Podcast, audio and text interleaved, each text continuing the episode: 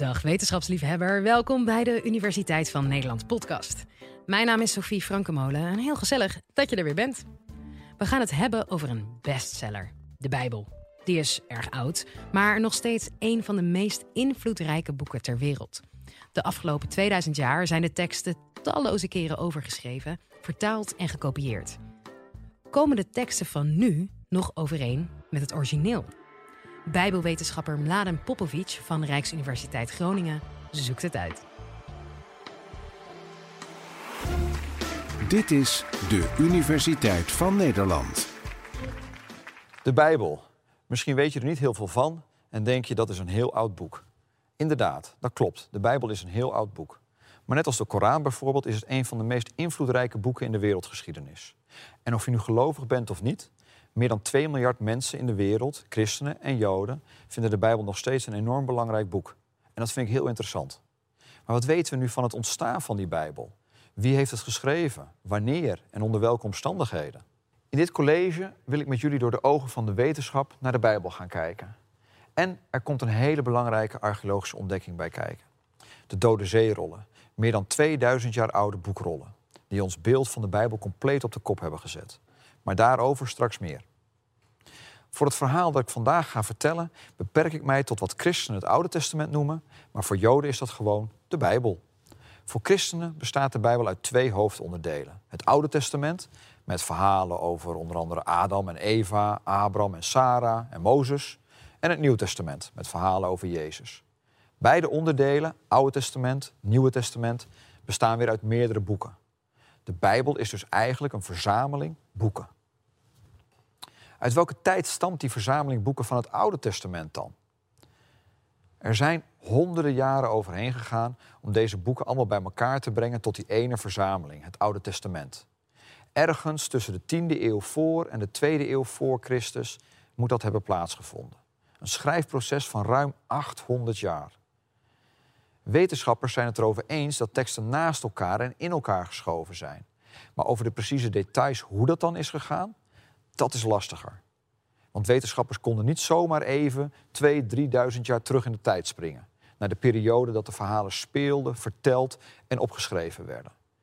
Ze hadden geen tastbaar bewijs, geen manuscripten uit die tijd. In hun onderzoek moesten wetenschappers zich voornamelijk baseren op een middeleeuwse tekst uit het jaar 1008 na Christus.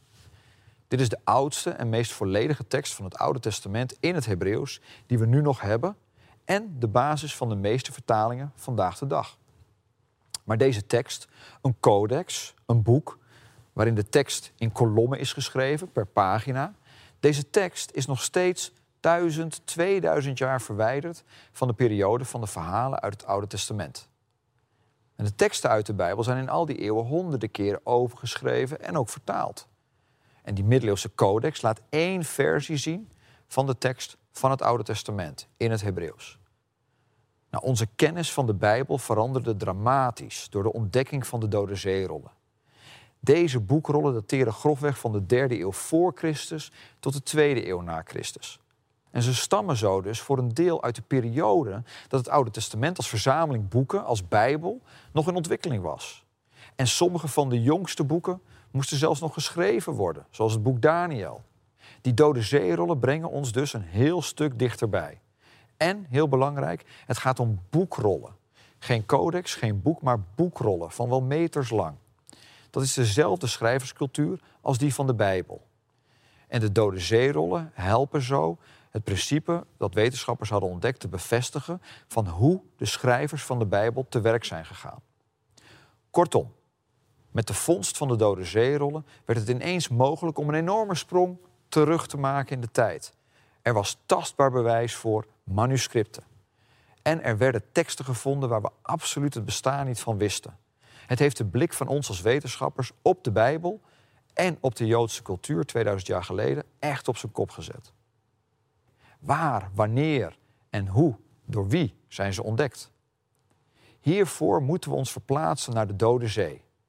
En dan vooral naar de woestijn ten westen ervan, naar het jaar 1947. De eerste vondst werd gedaan door twee Bedouinenjongens, Mohammed Eddiep en zijn neef Mohammed Juma. En zij waren in het gebied met hun kuddes, En ze vertelden het verhaal dat een van hun uh, schapen verloren was geraakt. En die gingen ze zoeken. En ze waren daar in dat rotsachtige woestijngebied op zoek ernaar. Gooiden met stenen door rotsspelonken heen. En in één daarvan vertelden ze, hoorden ze op een gegeven moment iets barsten, iets kraken. En ze dachten, wat kan dat zijn? En ze kropen naar binnen door die rauwe rotsopening. En toen hun ogen zo aan het halfduister gewend waren, er zal misschien nog wat zonlicht zijn binnengedwarreld, wat stof. Toen zagen ze, zeiden ze, 15 kruiken ongeveer opgesteld staan. En ze begonnen die te openen, namen de deksels ervan af. Maar in de meeste ervan, zeiden ze, vonden ze zand, stof, helemaal niks. Behalve in één daarvan, vertelden ze later, vonden ze linnen doeken opgerold. En toen ze die uitrolden, vonden ze daarin leren boekrollen. En er stond een tekst op die ze verder niet begrepen. Maar ze dachten dat kan misschien wel wat waard zijn. En ze namen de teksten mee. En een maand of twee, drie later, terwijl ze zuidelijker trokken met hun kuddes, kwamen ze in de buurt van Bethlehem en verkochten ze aan een tussenhandelaar. En die nam het weer mee richting Jeruzalem. En daar gingen naar verschillende partijen. Een Syrische bisschop enerzijds, twee jonge Amerikanen in het Amerikaanse instituut anderzijds, en ook naar een beroemde professor van de Hebreeuwse Universiteit in Jeruzalem. Die kregen allemaal in de winter van 1947, 1948 de manuscripten te zien. En al snel hadden ze door dat het hier om hele oude teksten moest gaan, van wel 2000 jaar oud. Het duurde nog een jaar, tot 1949, voordat die eerste grot werd gelokaliseerd door archeologen. En toen begon er een ware wedloop tussen Bedouinen en archeologen om nog meer van die grotten met teksten te ontdekken. Tussen 1947 en 1956 werden naast de oude nederzetting van Qumran, ten noordwesten van de Dode Zee, elf grotten ontdekt met teksten. En het was nogal een puzzel om die tienduizenden fragmenten bij elkaar te krijgen. Er zijn namelijk maar een paar echte boekrollen bewaard gebleven na al die eeuwen. En sommige van die boekrollen, boekrollen zijn wel 7, 8, 9 meter lang. Maar voor het overgrote deel hebben we grotere en kleinere fragmenten van wat ooit hele boekrollen waren. Nou, dat reconstrueren ging heel anders dan het nu zou gaan. Bij daglicht, met eten en drinken er soms bij en zelfs ook soms een sigaretje. Die dode zeerollen in de elf grotten bij Qumran zijn verstopt in de jaren 60 van de eerste eeuw na Christus. Waarschijnlijk om ze in veiligheid te brengen tijdens de eerste Joodse opstand tegen Rome. In die grotten vonden de archeologen geen menselijke overblijfselen. Wat er gebeurd is met de mensen die de boekrollen verstopt hebben, weten we niet.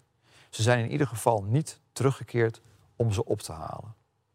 Nou, die Dode Zeerollen bevatten onder andere de oudste boekrollen en fragmenten ervan in het Hebreeuws van boeken uit het Oude Testament. En dan niet alleen de versie die we kennen uit die middeleeuwse codex, maar ook andere versies. Het laat ons heel mooi zien dat ze meerdere versies van het Oude Testament naast elkaar hadden. Daarnaast zijn er ook heel veel teksten gevonden die we voor de ontdekking helemaal niet meer kenden. En die in de loop van de tijd zijn kwijtgeraakt of uit gebruik zijn geraakt. In ieder geval zijn ze niet in de Bijbel terechtgekomen. En, heel belangrijk, de Dode Zeerollen laten ons concreet zien hoe de schrijvers te werk gingen en helpen ons zo ook te begrijpen hoe de schrijvers achter de Bijbel te werk zijn gegaan.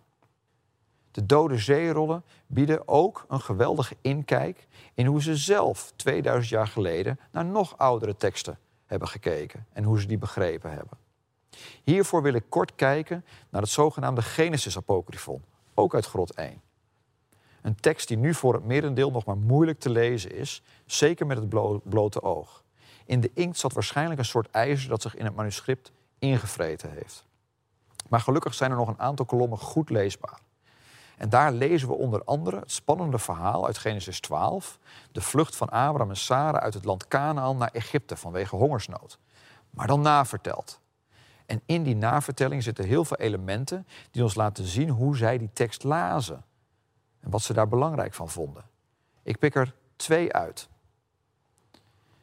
In het verhaal in Genesis vraagt Abraham aan Sarah om niet te zeggen tegen de Egyptenaren dat ze zijn vrouw is.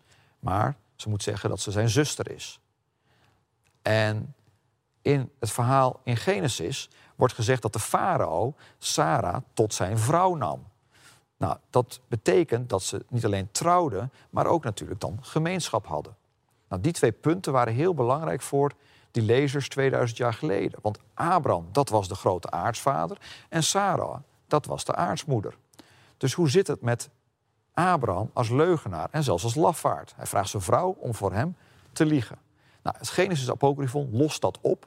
Die redt de eer van Abraham door het allemaal in een droom aan Abraham te laten vertellen. Dus het is niet Abraham zelf die dat bedenkt, maar hij doet wat hem via een droom gezegd is dat hij moet doen.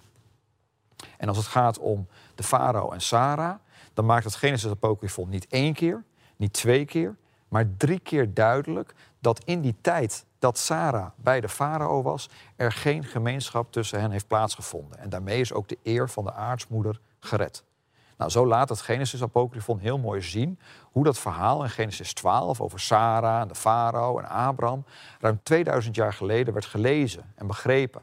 En hoe andere dingen belangrijk werden gevonden dan lezers nu misschien belangrijk zouden vinden. Nou, op deze manier en nog vele andere bieden de Dode Zeerollen een belangrijke correctie op het beeld dat er was van de geschiedenis. Maar het onderzoek is nog niet klaar. We hebben een goed overzicht van de diverse teksten op algemeen niveau en zien daar die diversiteit en meerdere versies van teksten.